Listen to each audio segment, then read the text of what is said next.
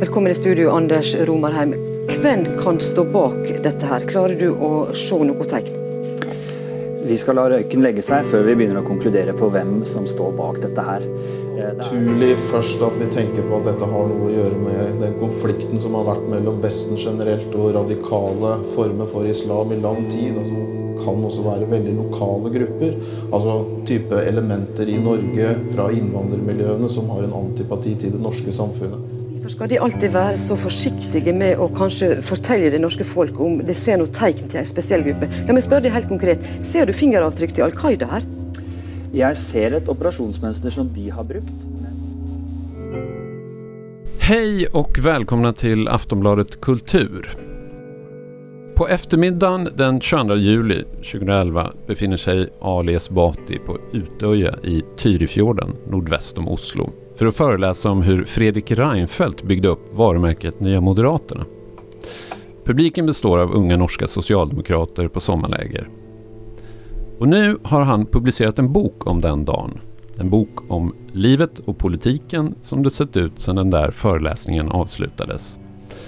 En bok om hur hatet mot muslimer förgiftade det politiska grundvattnet i både Norge och i Sverige. Det är en bok om hur han överlevde Anders Behring Breiviks massaker på 69 ungdomar och åtta personer i en bombattack mot regeringskvarteren i Oslo. Man kan fly en galning men inte gömma sig för ett samhälle heter den. Ali Esbati är också riksdagsledamot för Vänsterpartiet. Välkommen. Tack så mycket. Med oss i studion har vi också Karin Pettersson, Aftonbladets kulturchef. Välkommen. Tack. Var befann du dig den där dagen, Karin? Jag befann mig i USA på en semesterresa och jag minns otroligt väl den eh, dagen för att jag var med vänner som amerikaner och jag försökte förklara för dem vad det var som hände. Och jag liksom gick in och ut ur ett rum där jag försökte följa nyhetsflödet och också, jag jobbade då på Aftonbladet på ledarredaktionen. Och jag ville bara hem. Alltså jag, jag minns att jag tyckte att det var tårarna, liksom grä, eller tårarna bara rann och jag ville därifrån och jag ville bara vara med kollegor och kamrater. Ehm, så det, det, det, så var det. Martin Ågård heter jag. Jag befann mig också i Norge faktiskt, längre norröver i Tröndelag och vi var på väg ner, minns jag, från en längre fjälltur när telefonen ringde hos en i sällskapet som sammanbitet lyssnade någon minut och sen säger till oss att nu är det krig. Aldrig riktigt förstått vad han menade med det där, men eh, sen sätter jag mig framför TVn, sitter och stirrar i 48 timmar och initialt vet jag att jag blir väldigt irriterad på nyhetsvärderingen att de börjar rapportera om en skottlossning. När det har varit ett stort terrordåd mitt i Oslo så rapporterar de om någon jävla skottlossning som jag inte vet vad den handlar om. Eh, det var helt enkelt omöjligt så initialt att förstå vad, vad, vad som pågick. Och hela din bok Ali är ju en process att förstå vad som hände eh, alldeles från början då du hör de första skotten. Ja, eh, det, det är ju eh, en, en slags liksom mikrokosmos också av hur, eh, hur förståelse av saker funkar. Det var en process där, där det var liksom pusselbitar som, som lades på plats hela vägen och sen även egentligen efter att det var över. Att Man liksom försöker, försöker till och med bara det rena händelseförloppet, försöker förstå vad det var som, som egentligen hände. Men, men inledningsvis så var det ju um, en stämning som var ganska spänd därför att uh, nyheten hade ju kommit om, om explosionen i, i Oslo. Fortfarande inte helt säker på att det var en bomb när det skedde, men det blev ju mer och mer tydligt då. Uh, ja, så satt jag och väntade på att liksom få klarhet i vad jag skulle kunna göra om jag kunde åka hem då till Oslo och när jag kunde göra det. När det började, när det började smälla um, runt omkring. Och för, ja, min första tanke var ju att det var eh, någon slags eh, ja, men dåligt skämt och att det var, det var ju väldigt dumt gjort att göra någonting när folk var så, så stressade över det här som hade hänt i Oslo. Men eh, ja, det var verkligen stegvis att det blev mer och mer tydligt att först att det var någonting farligt, sen att det kanske var förekom beskjutning, sen att ja, det förekommer beskjutning, men oklart om någon har dödats. Eh, och sen var det ju också att det då sköt så himla mycket. Att det var nästan omöjligt att kunna föreställa sig att det bara var en person som gick runt och sköt. Det var liksom någonting som, um, ja, som det dröjde väldigt länge innan, innan jag kunde så att säga få, få in i huvudet att det kunde vara så, bara för att folk sa det. Uh, att de hade sett en, kanske två. Det lät som att det var så många skott så att det lät ju som att det var många personer som sköt mot varandra då, rimligtvis. Men det var det ju inte, vet vi. Det. Det har tagit tid för dig att skriva den här boken, skriver du i, i boken. Ja, det har varit eh, svårt. Det har varit väldigt svårt. Ehm, alltså först var det ju så att jag, eh, jag hade tänkt att skriva en bok som kunde komma ut kanske näst, ungefär ett år efter att det hände, kanske ännu kortare tid. Så jag eh, gick ju in med väldigt stor eh, frenesi att liksom skriva ner mina minnesbilder och samtidigt som jag också ställde upp på väldigt många intervjuer. Eh, och jag, jag gjorde det både för att jag ville bearbeta själv på det sättet, men också för att det kändes som att det var ett ansvar. Eftersom det var så många som var där som var så väldigt unga och inte ville eller kunde eh, ställa upp på den typen av, av intervjuer. Men jag skrev ner i alla fall eh, en del saker de första månaderna. Men sen, eh, ja, men sen kom liksom lite livet i, eh, emellan då. Både att jag blev väldigt trött själv. Eh, ja, sen eh, fick, fick barn. barn. Sen eh, blev jag liksom inkallad till att tjänstgöra i riksdagen och, och det har liksom tagit förstås väldigt mycket, mycket tid. Och för varje år som har gått har jag känt att jag, jag vill verkligen skriva, men, men det, blir, det känns svårt eh, att få den samlade tiden.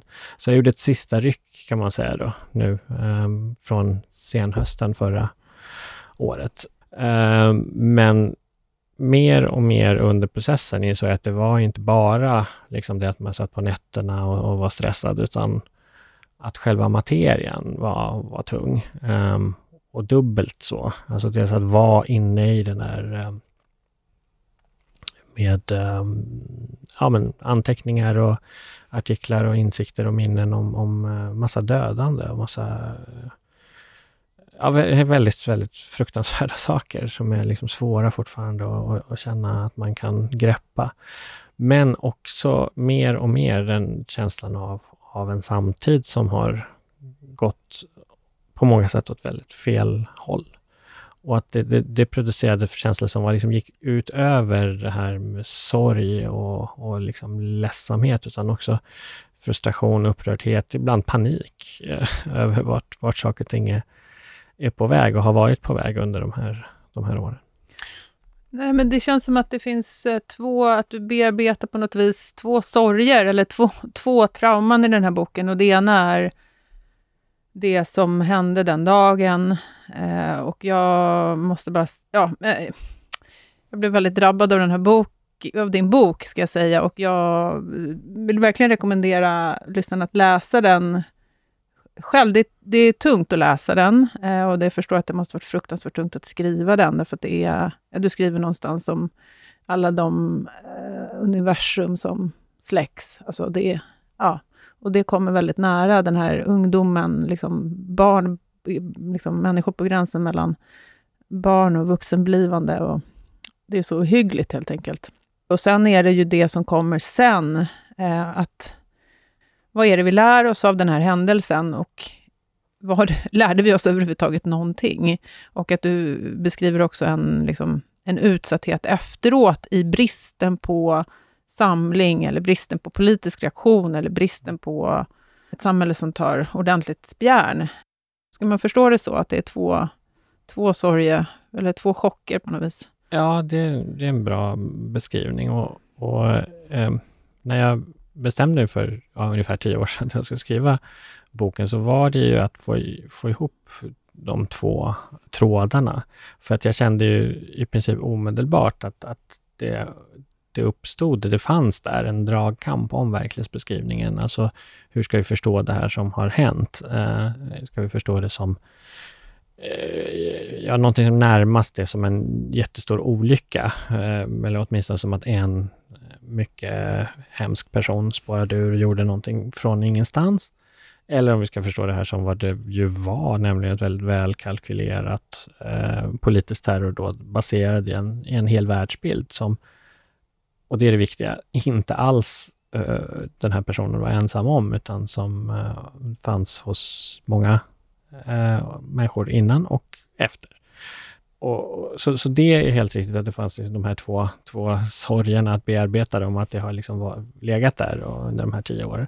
I samband med det så, så märkte jag ju att det, det dök upp någonting som, eh, som jag inte hade tänkt att skriva om från början. Att det, det här med, eh, jag, det kom liksom av sig själv att jag kände att jag ville berätta lite också om hur det var att komma till Sverige. Och, och därför att det har liksom, jag insåg på något sätt att det, den här, de här långa linjerna i mig själv eh, om hur jag liksom vars blivit och sen bearbetat rasismen. Då, då blev det liksom naturligt att blicka lite tillbaka också. Du skriver ju om flera, flera av de ungdomar som dödas på Utöja som själva har flytt eh, våldsamma länder för att hamna i vad de trodde var tryggheten i Norge. Och din egen familjs historia innehåller ju också mm. en berättelse om flykt ifrån ett av de mest blodigaste krigen i historien, Irak-Iran-kriget på 80-talet. Uh, eh, och den uh, tragedin är ju svår att hantera.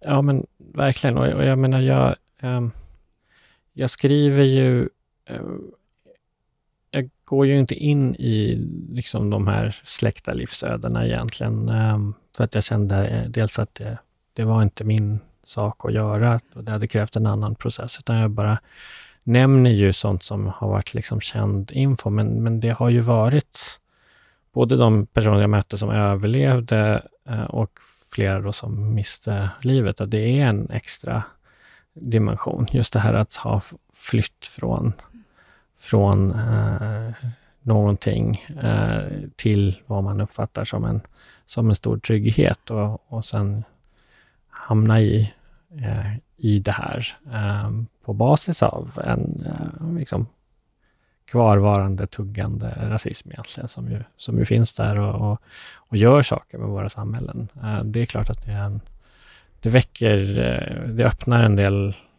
ytterligare liksom, luckor av, av, av funderingar och smärtor. Nu kommer boken ut tio år senare istället. Uh, hade ni, hur hade ni föreställt er politiken tio år efter Utöja strax efter dådet? Nej men Alltså jag, jag insåg att direkt att det skulle vara en dragkamp. Så är det. Att, att det, det är Förstod klart. du det omedelbart? Ja, i, i, i princip. Och det var det som gjorde att jag ville skriva en bok. Så, så, var det någon särskild så, händelse då? Som...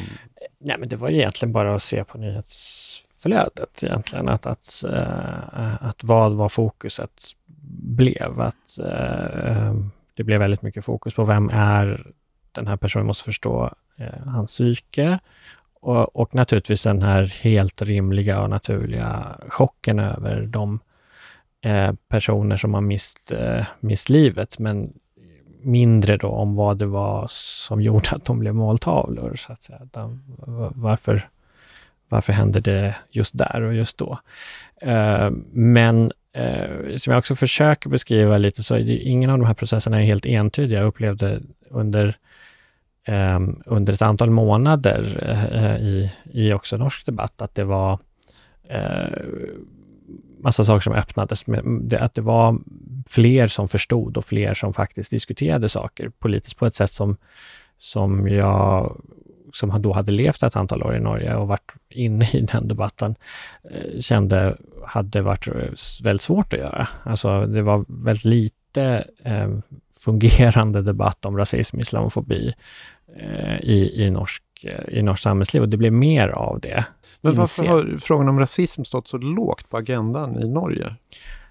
Det är ju en väldigt bra fråga, men det är ju en eh, eh, det är ju ett, eh, ett eh, litet land med, som ligger långt bort från de mer koloniala traditioner som, som finns trots allt. Och där där, och därför har det funnits mindre av den typen av både forskning och medborgarrättsaktivism. Eh, det, påverkar, eh, det påverkar debatten. Och eh, jag menar, det är ju någonting som, också har funnits i Sverige, att eh, det här eh, mycket liksom eh, en progressiv position under ett antal decennier efter andra världskriget i ändå i den globala eh, i, i, global kontext har ju, har ju ändå skapat en känsla av att vissa saker då absolut inte har någonting att göra med oss. Eh, så att det blir liksom rasism, om det finns så finns det någon helt annanstans då. Mm.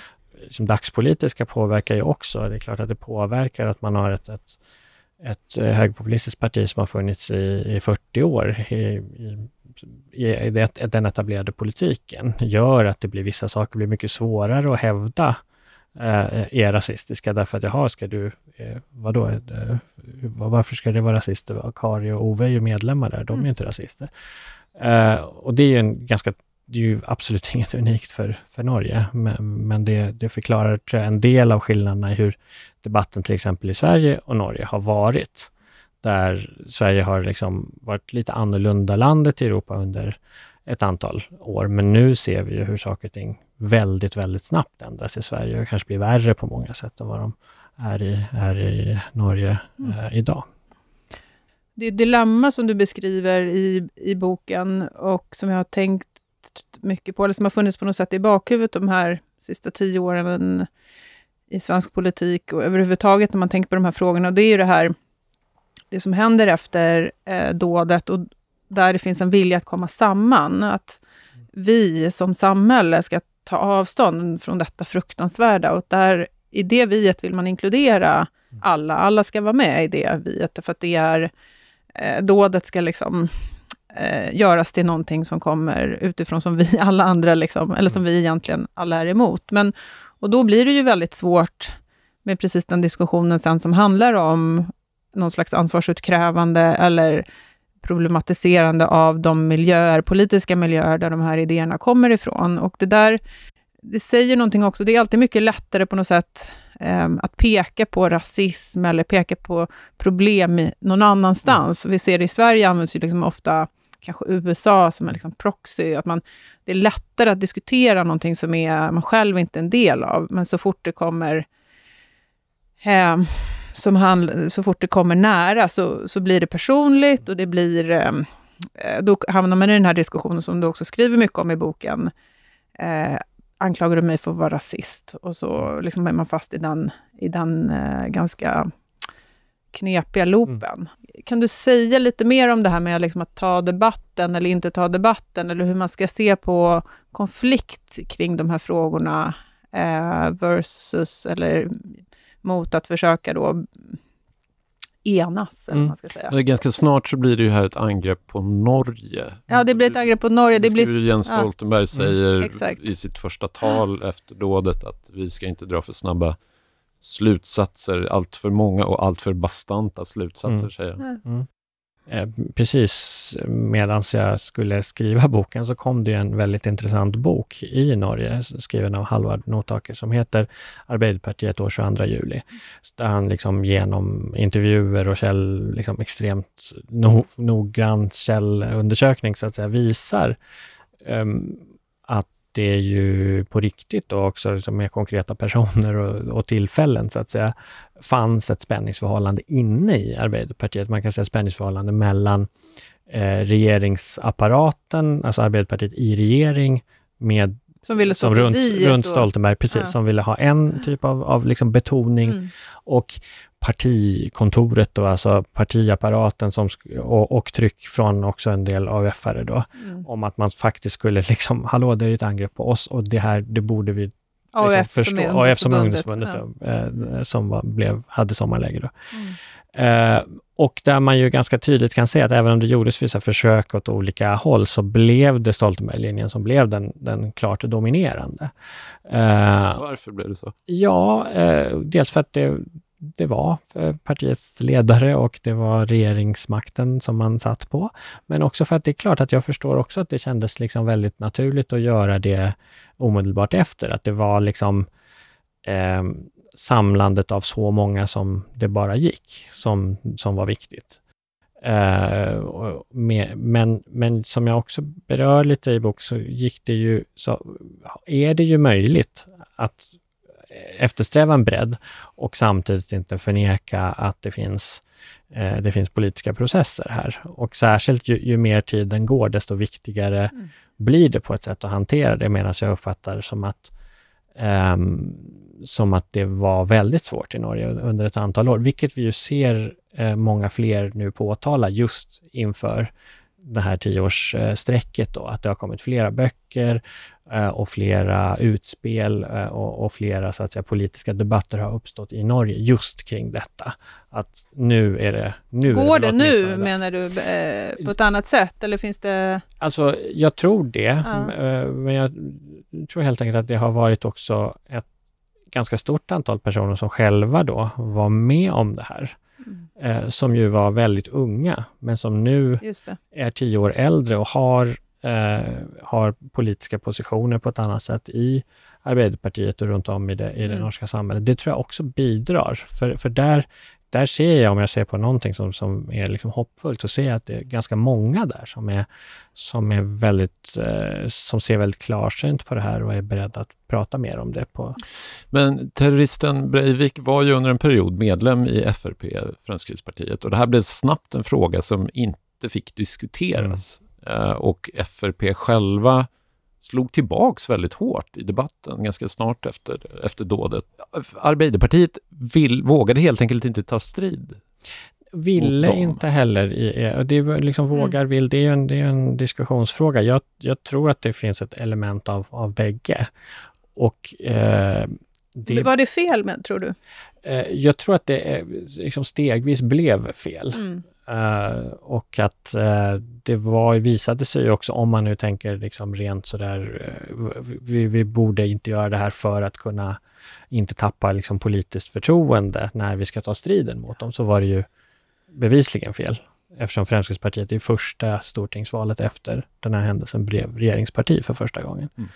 Men jag tror ju att, jag förstår ju väldigt väl, givet vilken ställning Fremskrittspartiet hade och har. Eh, Hur skulle du beskriva den, den om du jämför med Sverigedemokraterna ja, till exempel, för den som inte kan ja, norsk politik? Det, det är en jättebra liksom, ingång. Alltså, eh, det är ju ett högerpopulistiskt parti som har funnits i, i norsk eh, politik i, i drygt 40 år. Eh, om man liksom tänker sig jämförelse med Sverige och, och vilka rötter partiet har, så liknar det ju mer mycket mer Ny Demokrati som fanns några år på, i början på 90-talet. Men då just det faktum att Sverige fick inte det genombrottet på 70-talet av något sådant parti, medan både Norge och Danmark fick det. Det är i sig en liksom, intressant faktor när man analyserar eh, de här länderna. Mm, Danmark hade då Dansk Folkparti med ja, som från, ja, som från början hette Fremskrittspartiet där också. Ja. Uh, då så, så, så, det är klart att det är, ett, liksom, det är ett folkligt parti, det är ett välorganiserat parti, det är ett parti som har liksom en del av den politiska dekoren. Liksom, de är där. Mm. Och massa människor liksom röstar på dem eller har röstat på dem. Så jag förstår ju verkligen att det skulle kännas svårare att, att på något sätt säga någonting som skulle uppfattas som att någons granne plötsligt blev Ja men vadå, jag, är jag liksom ansvarig för det här mm. extrema dådet? Självklart inte. Men då om man då stänger den dörren helt, eh, att diskutera vilken roll ett parti som Fremskrittspartiet har haft, då kan man inte riktigt förstå hur eh, islamofobi exempelvis eh, rent konkret har, har satt sig i, eh, i, i eh, centrum mm. av eh, norsk politisk debatt. Därför att ett sådant parti som Fremskrittspartiet med tillgång till eh, Stortingets talarstol och så vidare eh, har spelat en jättestor roll för att vara transmissionskanalen mellan de här perifera, extrema miljöerna rätt in i mitten av, av hur man diskuterar politiska frågor i Norge.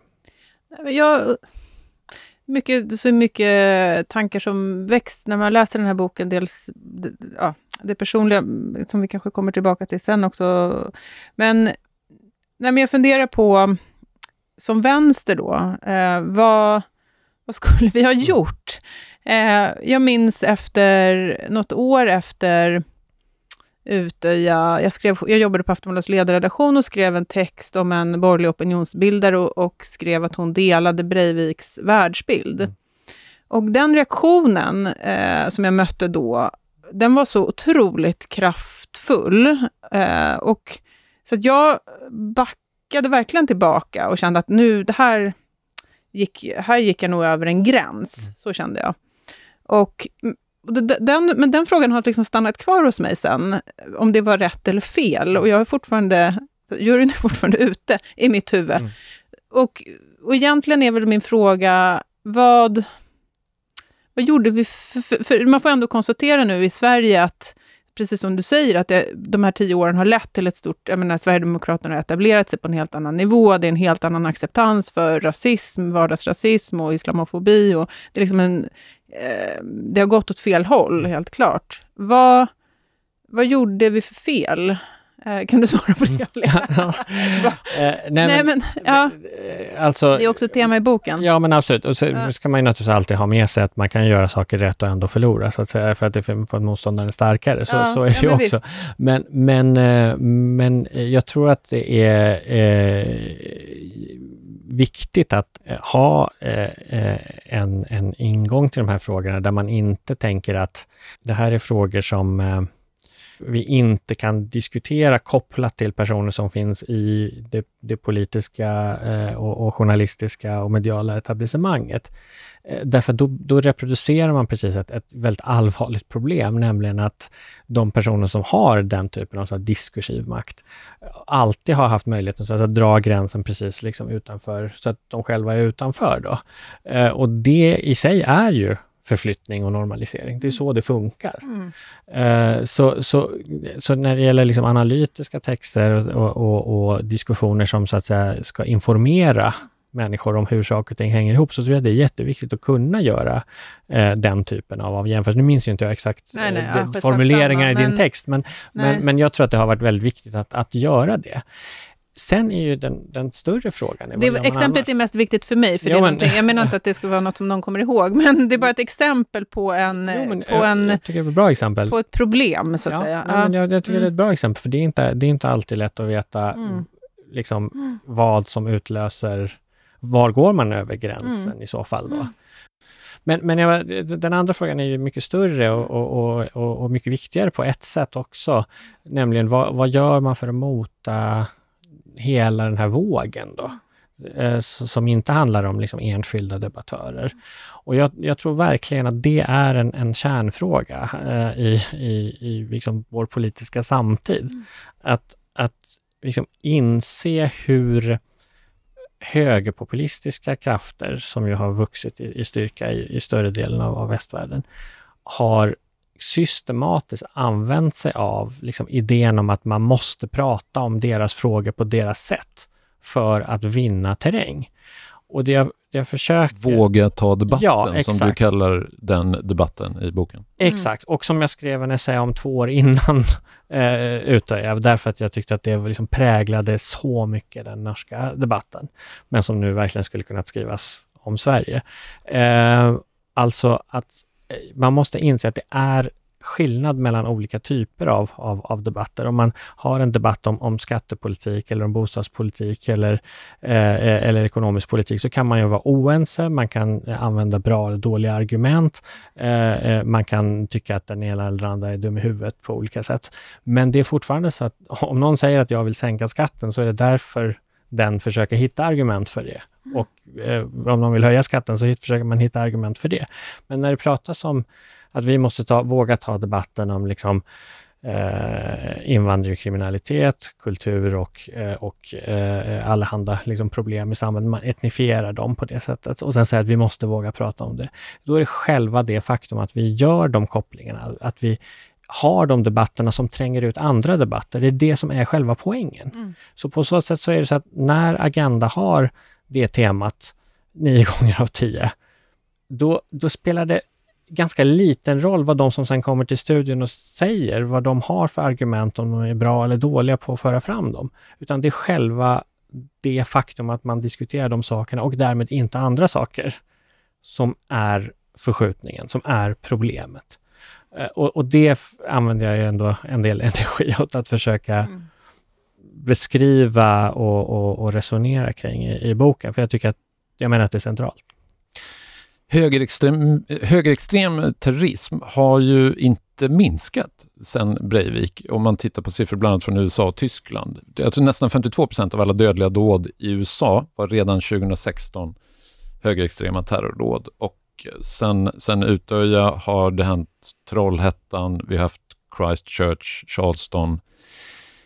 Flera massakrer byggda kring samma ideologi som Anders Behring Breivik hade och som inspirerats av hans dåd. Ändå så, tycker jag idag att vi saknar riktiga begrepp för att beskriva den här gruppen. Kontrajihadister mm. är ett gammalt begrepp som används om dem. De är på något sätt moderna fascister. Ibland reduceras det till någon incel... Mm liksom rätt avpolitiserad incelkultur ja, också. Det är väldigt, väldigt lösa begrepp. Det finns liksom ingen, ingen enhetlig beskrivning. Det forskas ju på det, absolut. Men samtidigt när vi pratar om islamistisk terrorism så finns det oftast en väldigt tydlig idé om hur ideologi och aktion hänger ihop. Mm. Det finns sajter som kartlägger ner till minsta Facebook-like och drar kopplingar hit och dit, mer eller mindre lyckat. Eh, varför famlar vi fortfarande så mycket efter att beskriva den här liksom högerextrema terrorrörelsen? Därför att det också är inbegripet i en, i en grundläggande rasistisk struktur. Därför att det är så att det är mycket, mycket svårare att diskutera saker som kan, kan tänkas eh, komma utifrån. Att man kan beskriva det, oavsett hur det är i verkligheten, säga att det är någonting som är liksom artsfrämmande för, för vad vi håller på med och, och det kommer utifrån. Man kan så att säga eh, se det på det sättet, islamistisk terror till exempel. Medan ska man förstå och diskutera högerextrem terror så måste man förstå att det kommer inifrån. Vi måste blicka inåt mer i våra samhällen. Vad är det för, för, för typ av, av rörelser, strukturer eh, eh, som, som skapar eh, de här grupperna och hur, hur, är de liksom, hur hänger de ihop med vår till exempel eh, in, inrikespolitik och våra in, inrikes förhållanden på ett, på ett mycket tydligare sätt. Och då blir det plötsligt mycket svårare. Och det är också mycket svårare att diskutera det därför att vi har så mycket lättare att, närmare till att se eh, den andra, alltså människor som kan liksom uppfattas som annorlunda, eller de andra, som bärare av kollektiv. Eh, medans eh, folk som är liksom, i det vita majoritetssamhället, eh, nästan vad de än gör, de är ändå individer. Alltså om de är bra saker eller dåliga, så de är ändå individer som kan liksom uh, ha det kvar sin individualitet. Ja, det kan förklaras med uppväxtvillkor exakt, eller trauman exakt, eller ja, exakt. sådana saker. Mm. Uh, så så liksom förklaringsmodellerna hänger så nära ihop med hur vi i övrigt hanterar saker i vårt samhälle, hur vi ser på oss själva. Eh, så, så det är ju en, en liksom central har du försökt motverka det med din bok? För du skriver ju inte överdrivet mycket om gärningsmannen. Nej, jag, absolut, så, så är det ju. Eh, att, att jag äh, försöker det. Och det är också för min del, jag har försökt känna efter också ähm, på ett personligt plan. Jag får ju ofta den frågan äh, i, i intervjuer när man pratar om det som har hänt. Om, ja, vad känner du inför honom, liksom hat och så vidare. Och jag har ju verkligen försökt rannsaka mig själv under de här, den här skrivprocessen. Jag kan verkligen känna att jag, jag, jag tycker inget speciellt eh, om honom och, och jag och det är ju, det hade, det hade ju varit naturligtvis helt annorlunda om det var så att han var på fri fot eller, eh, eller, liksom, eh, eller om han hade, hade kanske dödat så hade man också kanske tänkt, liksom föreställt sig massa saker och placerat saker i, i den där personen som man inte kan, eh, kan säga så mycket mer om nu. Men, men nu är det så här, nu han gjorde det här, han, är, eh, han har genomgått en rättsprocess och han är liksom borta från den samhälleliga dynamiken. Men allt det där andra som han stod för, det är ju kvar och det är ett hot på riktigt, för det, det är liksom aktivt. Det lever fortfarande där ute. Ett, ett spår i boken, en tråd i boken är ju um, din familj. Och hur um, din mamma till ditt barn, Marte Michelet, är ett mål mm. för Breivik. En person som man återkommer till på grund av hennes politiska åsikter, där hon var en framstående person i norskt samhällsliv, men också på grund av hennes privata mm. val, där hon eh, har en relation med dig eh, som invandrare och ni har och ni dessutom bär på ert gemensamma barn, vilket han tar upp i, i rättegången, mm. eh, som ett slags eh, rasförrädar. Mm. Eh, och det är ju liksom... Eh, så jag, jag, vill, jag tycker det är viktigt att ta in det i det här samtalet också, att det här är inte liksom en beskrivning av en abstrakt eh, process eller någonting, ja, politik som man kan liksom titta på någonstans där borta, utan det här är också saker som påverkar eh, dig och ditt barn på ett mm. väldigt intimt och personligt och fruktansvärt eh, sätt. Jag, jag, kan tänk, jag tänkte på det när jag läste boken, att vi har tappat det också i debatten. Mm. Att idag, jämfört med för tio år sedan, att det fanns mer, tycker jag, berättelser och vittnesmål och, eh, för ett antal år sedan. Eh, och kanske är det idag så att folk inte längre orkar eh, på grund av de mekanismer som finns i offentligheten. Och att vi idag igen har gjort igen liksom rasism till någonting, eh, till liksom en seminarieövning. Och det är, jag tycker det är en fruktansvärd utveckling. Och...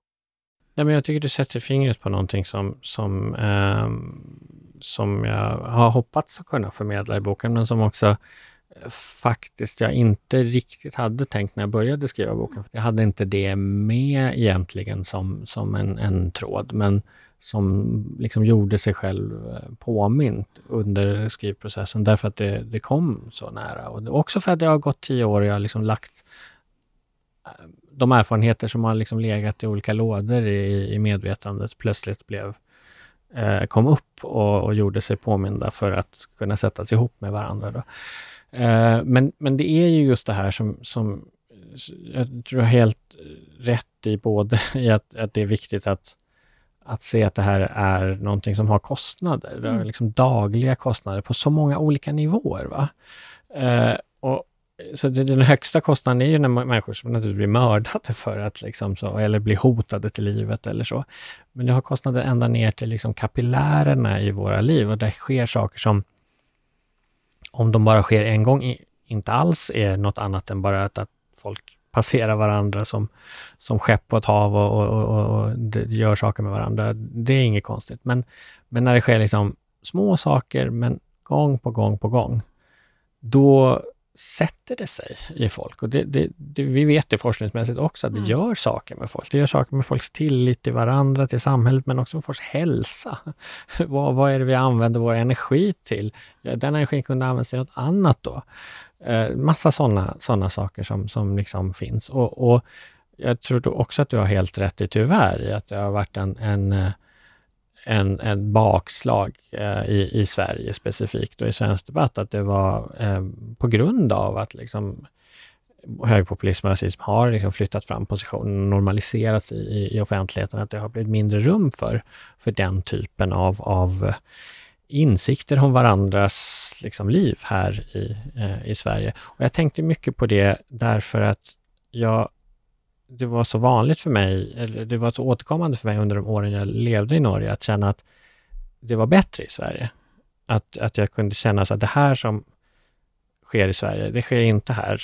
Alltså på ett alltså, jag kunde se att det var fler personer i svensk mm. offentlighet med, med eh, Jag kommer ihåg att vi pratade om det också Precis. under de åren, Exakt. att du beskrev den skillnaden och att det fanns något hoppfullt i ja, det. Ja. ja.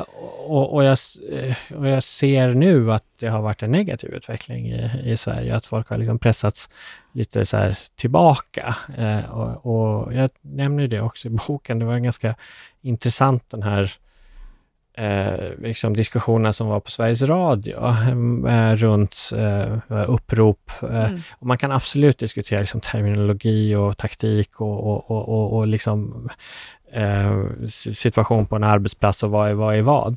Men reaktionen eh, så som den blev från, från cheferna, då, så att det här är, att det är aktivistiskt att påpeka att det kan finnas rasistiska strukturer även på en arbetsplats.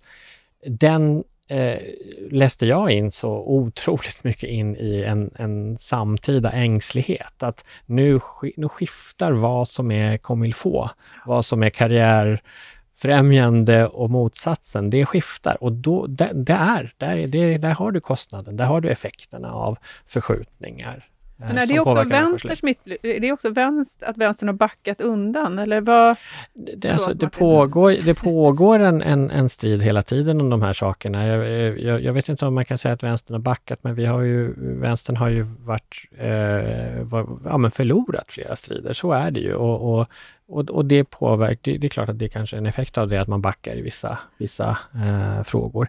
Men jag tror ju Alltså, jag tror ju inte att det sättet som man främst motar eh, rasismen är att prata alltid prata om, om, om rasistiska värderingar, utan, utan det, det, det, måste vara så att man kan, man kan eh, säga ifrån när folk blir kränkta. Det måste vara så att man kan identifiera och belysa rasistiska strukturer och de, de effekter det får för, för enskilda människor. Men ska vi vinna det här, så, så handlar det om att och det är väl liksom också slutklämmen på ett sätt i boken. En appell om, om solidaritet gjordes liksom mest genuina bemärkelse. Inse att vi, vi, har, vi, vi har så mycket gemensamt eh, och i det innebär att om vi ska ha det här gemensamma så måste vi se varandras också smärtor och de, de förtryck som, som drabbar oss lite olika beroende på vilken social position vi har och, och inklusive då att vi som har viss hårfärg och, och, och hudfärg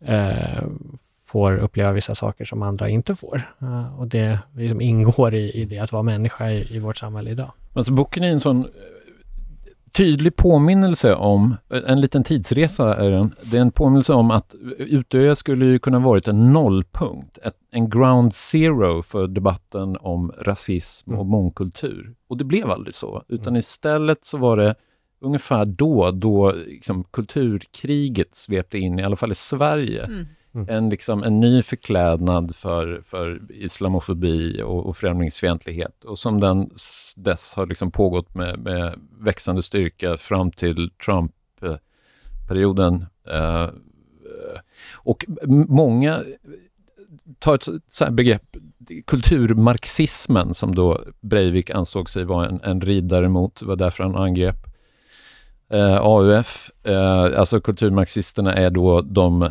marxister som har liksom smugglat in invandrare i våra länder för att förstöra dem inifrån. Eh, ett begrepp som då var perifert. Mm. Nio år senare på Sverigedemokraternas landsdagar står den holländske högerextremisten Thierry Baudet och håller, eh, är huvudtalare. Han pratar om kulturmarxismen. Han torgför exakt mm. Eh, Breiviks paranoida världsbild inför entusiastiska sverigedemokrater. Eh, så mycket har ju liksom normaliserats. Alltså Detta är nu regeringsunderlag sedan ja. bara några månader tillbaka. Mm. Det är regeringsunderlag, precis. Uh, och det Ja, jag vet inte om jag har någon fråga på det här, men det är... Det, Nej, men jag, så här blev det. Att, att, att Utöya aldrig blev den här liksom ground zero, som, alltså 9-11 blev liksom mm. startet för, för krig mot terrorismen, som vi än lever med än idag, så blev Utöya ingenting. Och man tror ju ofta när sådana dåd händer att det är en ideologi som visar sitt rätta ansikte och äntligen kan vi diskutera vad, vad fan som hände, vad som ledde fram till det här. Nej men det, det, är som, det är helt riktigt som du säger. Jag menar just att det var, eh, det var en strid som utspelade sig liksom, i offentligheten eh, eh under liksom, tiden efter. Och, eh, och där var det eh, en sida som kom ändå mer framgångsrikt ut ur det. De som redan satt på egentligen ganska eh, trygga positioner och, och där, där, det hade varit liksom det är klart att det hade varit farligt och problematiskt för det, för det högerpopulistiska projektet om det, om det hade skett, att vi hade haft mer av, av den typen av, av diskussioner. Eh, och, och därför motade de tillbaka det och var framgångsrika i det och vi som skulle då stå på andra sidan var mindre framgångsrika i, i det. Helt entydigt är det ju inte särskilt, Norge ser ju att det var, det var många som, som var så att säga eh, för, på, på som grundläggande plan antirasister och så, eh, eh, som, som insåg mycket mer vad det var som, som stod på spel och, och ögonen öppnades mycket mer i vissa kretsar för just de här specifika kontrajihadistiska eller liksom aktivt islamofobiska miljöerna. Men i den bredare offentligheten är det ju som, som du är inne på, att det är, eh, inte blev någon ground zero för en annan typ av, av debatt och samhällsutveckling. Och jag tror det, det, man måste ju se det det är också kopplat till en, någonting som jag på ett sätt försöker säga i boken, nämligen att, att det här är, rasismen är i grund och botten inte är seminarieverksamhet som, som, kan, som kan besegras enbart med så här, kloka argument. Eh, vi behöver ha kloka argument och vi behöver ha forskning som, som grund för vad det är vi håller på med och säger och så, vi som vill bekämpa det här.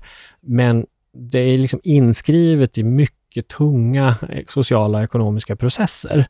De processerna som då leder fram till att Trump blir president i USA eller att, att, uh, att högerpopulistiska rörelser och partier blir starkare i Västeuropa. Att hela den traditionella konservativa och liberala borgerligheten i, i land efter land genomgår konvulsioner gällande hur man ska förhålla sig till den här nya nygamla kraften.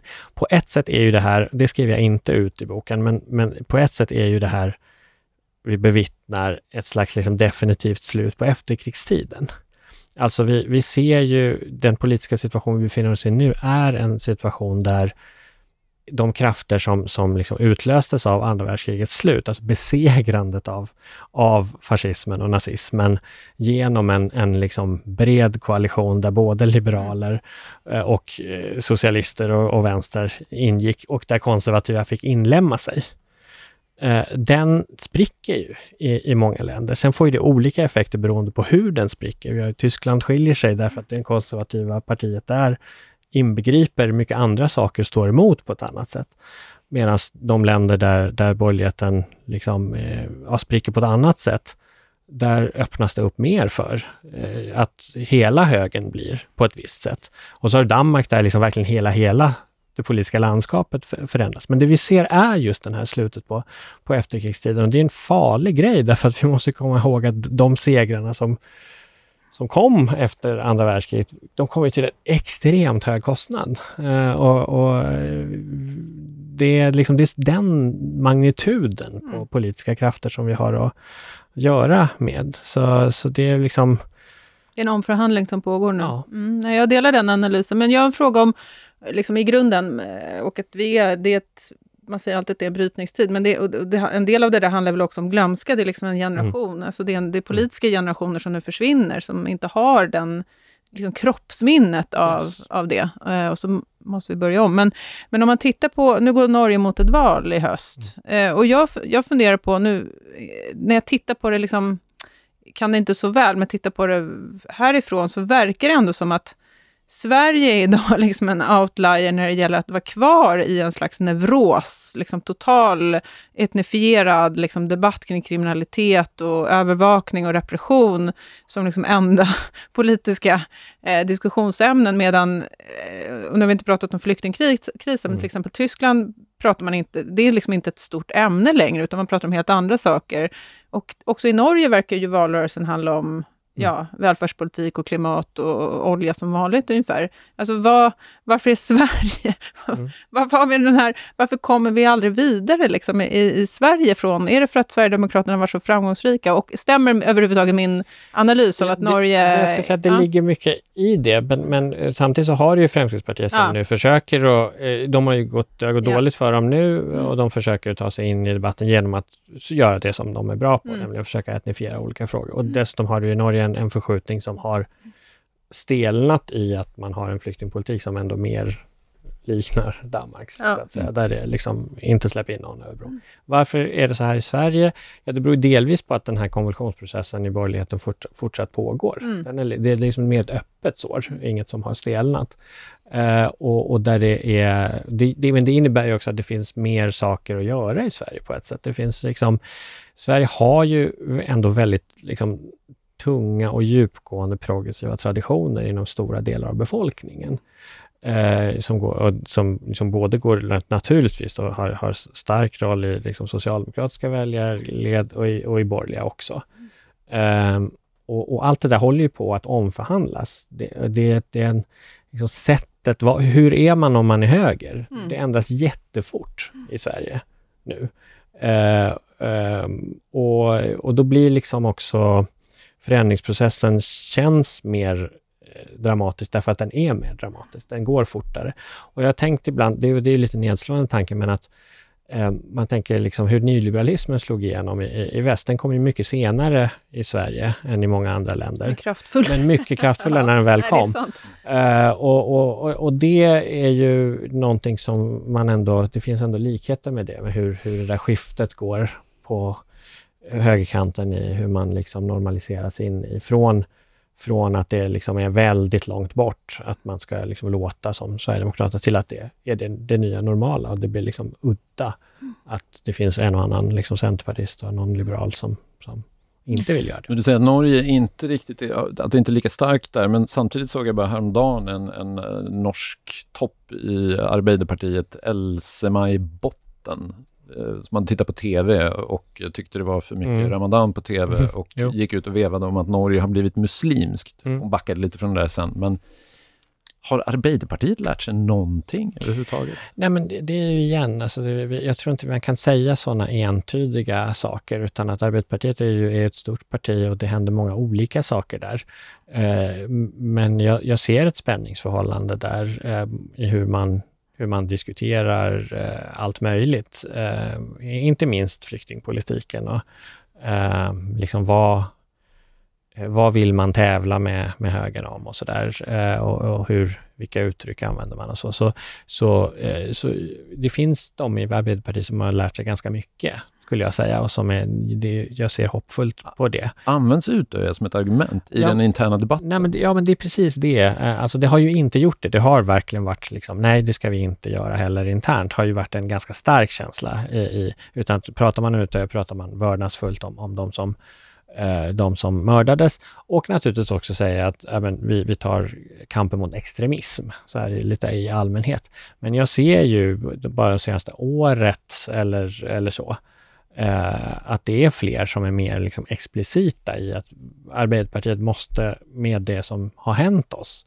och de här personerna som är i vår rörelse som överlevde, eh, behöver liksom låta annorlunda, ta ett större kliv framåt. Och det har varit väldigt, det har ju varit just AUF tillsammans med andra krafter i, i arbetarrörelsen, alltså fackliga och även inne i Arbeiderpartiet som har lyft de här frågorna, haft ett stort, stora liksom, seminarieprojekt eh, som i och för sig påverkats av pandemin, men, men också krävt, eh, nu har det kommit krav på att man ska tillsätta en ny 22 juli-kommission då, som då inte i likhet med den förra bara fokuserade på på liksom myndigheternas roll och vilken gata stängde man och inte, hur funkade beredskapen och så, utan just på det här politiska. Och det har blivit en stor debatt om det, huruvida det är rätt eller fel.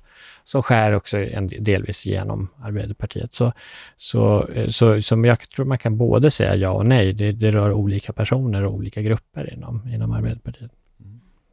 Jag tänker på din dotter, mm. som är lika gammal som min. Och då undrar jag om, hon, om ni har pratat med henne om ute? Ja. Ja, eh, det, det har vi, men i, naturligtvis inte i någon, någon större detalj. Det vi har nämnt att det, någonting har hänt som, som var hemskt och som inbegrep både mamma och pappa. Mm. Eh, men eh, det finns ju ett skäl till att boken är dedikerad till henne. Att jag, jag tänker att hon ska läsa den. Men inte precis nu då, utan när hon är redo för det uh, och vill det. Så att jag eh, har tänkt att allt som står där ska hon kunna läsa. Um, um, så... Uh, mm. Jag, jag tänkte fråga, det är ju en, en mörk bok, det här, oerhört mörk.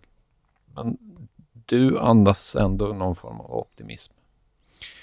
Ja, eh, jag... Det är upplyftande. Det finns något upplyftande i den här boken och det är på något vis din, eh, ditt sätt att prata om de här sakerna. Är det pliktdrivet att du känner att du måste som liksom politiker eller är det genuint? Jag, jag kan inte skilja dem åt. Nej, För nej, mig är det... Jag, så jag, jag ska inte sticka under stol med att jag tycker att vi lever i en väldigt mörk tid. Så att jag, jag går inte upp varje morgon och känner att nu är dagen då allting blir bättre. Men jag, jag, går upp varje dag och känner att det finns saker att ta tag i för att, för att uh, göra saker lite bättre och skydda oss lite mer mot de dåliga sakerna som, är, som bubblar. Uh, och, och, och det, jag har sagt det nu flera gånger, att jag tycker att det finns massa processer här som är viktiga att se på, analysera, inse att de är på gång. ingen av dem är entydiga, utan i nästan även i de mörkaste av processer så finns det frön av hopp som man kan hitta, men som liksom inte växer av sig själv, utan som det kräver liksom, eh, ju mörkare det är, desto mer krävs det av de som vill åt ett annat håll, att liksom ta, ta tillvara de, de hoppfulla tecken som finns eh, och göra saker av det. Men de hoppfulla tecknen är också på riktigt. Alltså jag tänker exempelvis det faktum att eh, i Sverige och i nästan alla andra länder faktiskt i, i västvärlden, så ser vi att, att högerpopulism och rasism är svagare i de yngre åldersgrupperna. Eh, det är en aspekt av, av det eh, som, är, som är hoppfullt på riktigt. Eh, vi ser också att överallt, till och med i de liksom östeuropeiska länder där det, där det är en, en slags rasistisk dagordning helt hegemonisk, till och med där Eh, finns det eh, tecken på folk som säger ifrån och försöker liksom hitta likasinnade i, i och utanför sina egna länder. Och definitivt ett land som Sverige har jag eh, jag hyser mycket stort hopp till att, vi, att det finns breda majoriteter för att bevara en hel del av de strukturer, bevara och utveckla en hel del av de sociala strukturer som trots allt producerar mer av, av solidaritet och eh, värme och mänsklig närhet och sammanhållning. Men jag ser ju också att de är jättemycket under, under hot och massa är redan förstört. Så, så det, det, det, är inget entydigt, det är inte så här We shall overcome, eh, nu håller vi upp händerna och sjunger känsla. Men jag tror absolut att det är eh, tydligt att det finns hopp och eh, det hoppet vill jag peka lite extra på för att vi behöver folk som hjälps åt att liksom odla de fröna. Vad var det här Brecht-citatet i boken? Att Uh, att när, när kampen är som, som hårdast så är kämparna som tröttast. tröttast. Mm. Tack Ali Esbati. Uh, man kan fly en galning men inte gömma sig för ett samhälle heter den bok som du har skrivit om uh, Utöya-massakern 2011. Tack Karin Pettersson. Du har lyssnat på en podcast från Aftonbladet. Ansvarig utgivare är Lena K Samuelsson.